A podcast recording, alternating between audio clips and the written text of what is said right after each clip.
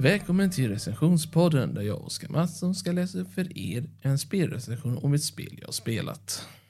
Veckans spel är Kingdoms of Amalur Re-Reckoning. Detta spel är mycket skillnad på grund av att det är, ja, det börjar med ett slut. Din död. Ja, det låter fruktansvärt egentligen, men vad fan. Det kunde varit värre. Spelet är inte slut efter det, så... What? Du dog och du fortsätter spela. Ja, det är ganska imponerande. Spelet är mer uppbyggt på att du får, du ska överleva samtidigt du ska, alltså inte överlevnadsläge, the survival, men det bygger på spelserien med RPG-liknande. Det finns tre olika skicklighetsträd eller ja, förmågor att använda. Sorcery, finess och might. Sorcery är magi, finess är roguish abilities som till exempel backstab, poison daggers, sådana grejer. Och might är melee eller damage dealing warrior liknande.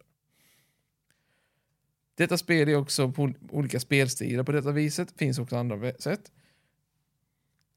Men lite information om spelet i sig. Det skapades av studion 38 Studios och Big Huge Games.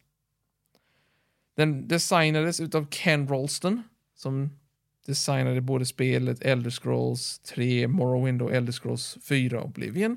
Skriven av R.A. Salvatore. Och Todd McFarlane skapade den mörka tecknade serietidningen Spawn. som konstskapare, oh. Det här är vad man kan kalla ett spel som var utav de bästa från olika punkter av världen.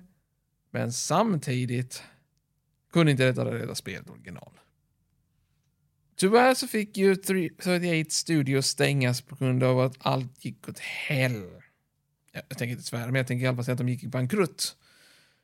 Eftersom de spenderade så mycket på spelet. De planerade ett online-uppföljare, gick inte så bra. Rättigheterna delades till tre delar, THQ som gick i bankrutt lite senare, EA Games och Nordic Games fick de alla de tre delarna. Efter sex år var, trodde folk att det var omöjligt att fortsätta men efter ett tag så fick Nordic Games tillgäng, köpte de upp THQ och därmed fick tillgång till en del. Det tog flera år senare att få tag i den sista delen från EA Games, men de lyckades. På detta viset så ägde THQ Nordic, som de kallade sig senare, 100% tillgång till spelet och gjorde detta spel.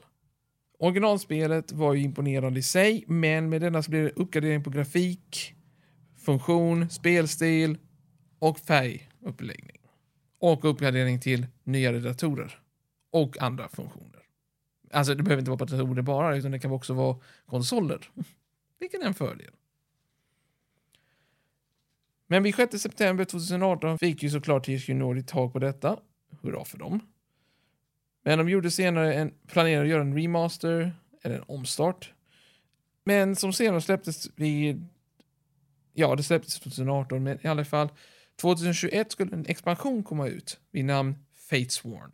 Den första expansionen efter så lång tid som spelet släpptes. Den nya uppdateringen uppförde med denna versionen kan bara sägas att det var en glädjande än originalet. Och som sagt, det blev lite mer nya zoner, lite nya uppdateringar och allt ingick. Vilket var imponerande. Allt utom Ja, är faktiskt eh, allt ingick i basspelet. Du fick båda expansionerna.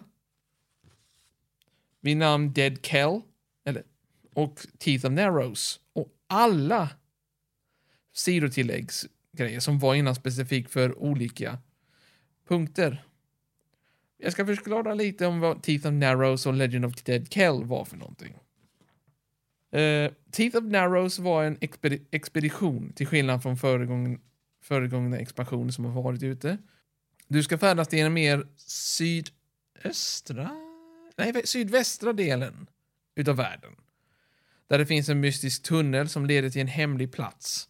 Här upptäcker du att det finns en folk som kallas för titanfolket som kämpar, eller snarare håller på att bli, gå i kaos med sig själva.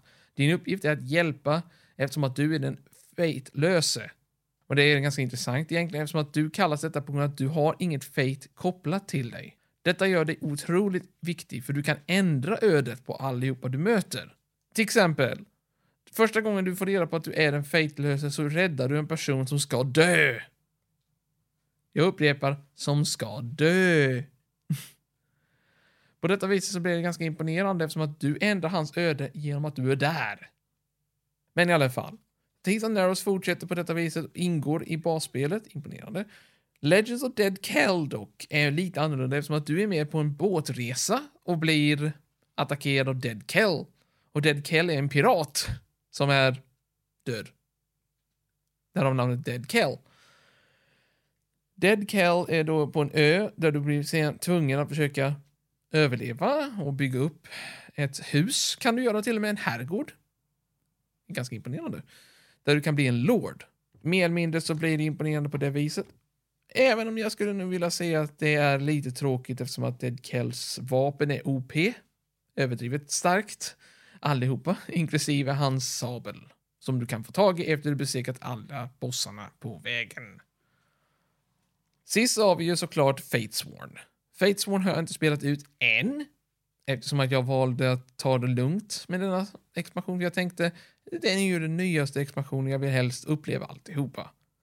Expansionen låser upp en nytt skilllinje, vilket kallas för Demonic Vision.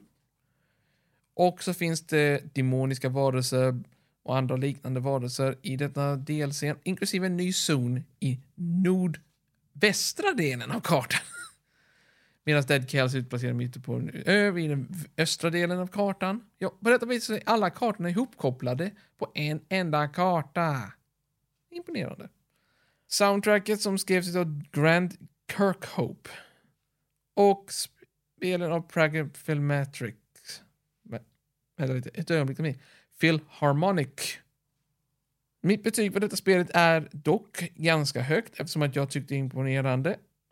Jag tyckte spelet var värt det 100%, för jag spelade när det kom ut första gången och jag blev fast på det. Jag ville gärna veta mer, jag ville känna mer, men problemet var att spelet bara tog slut. Och sen fanns det ingen förklaring till varför det tog slut. Men mitt betyg är 9 av 10. Eftersom att detta är imponerande. Det är ett imponerande spel. Jag hoppas att de som spelade njuter av det. Jag njöt i alla fall. Och eh, jag hoppas att ni njöt av den här recension. Jag hoppas att ni fortsätter lyssna på framtida recensioner också. Men det här är nog allt för jag kan dela med mig för nu tillfället. Tack för mig. Hej då.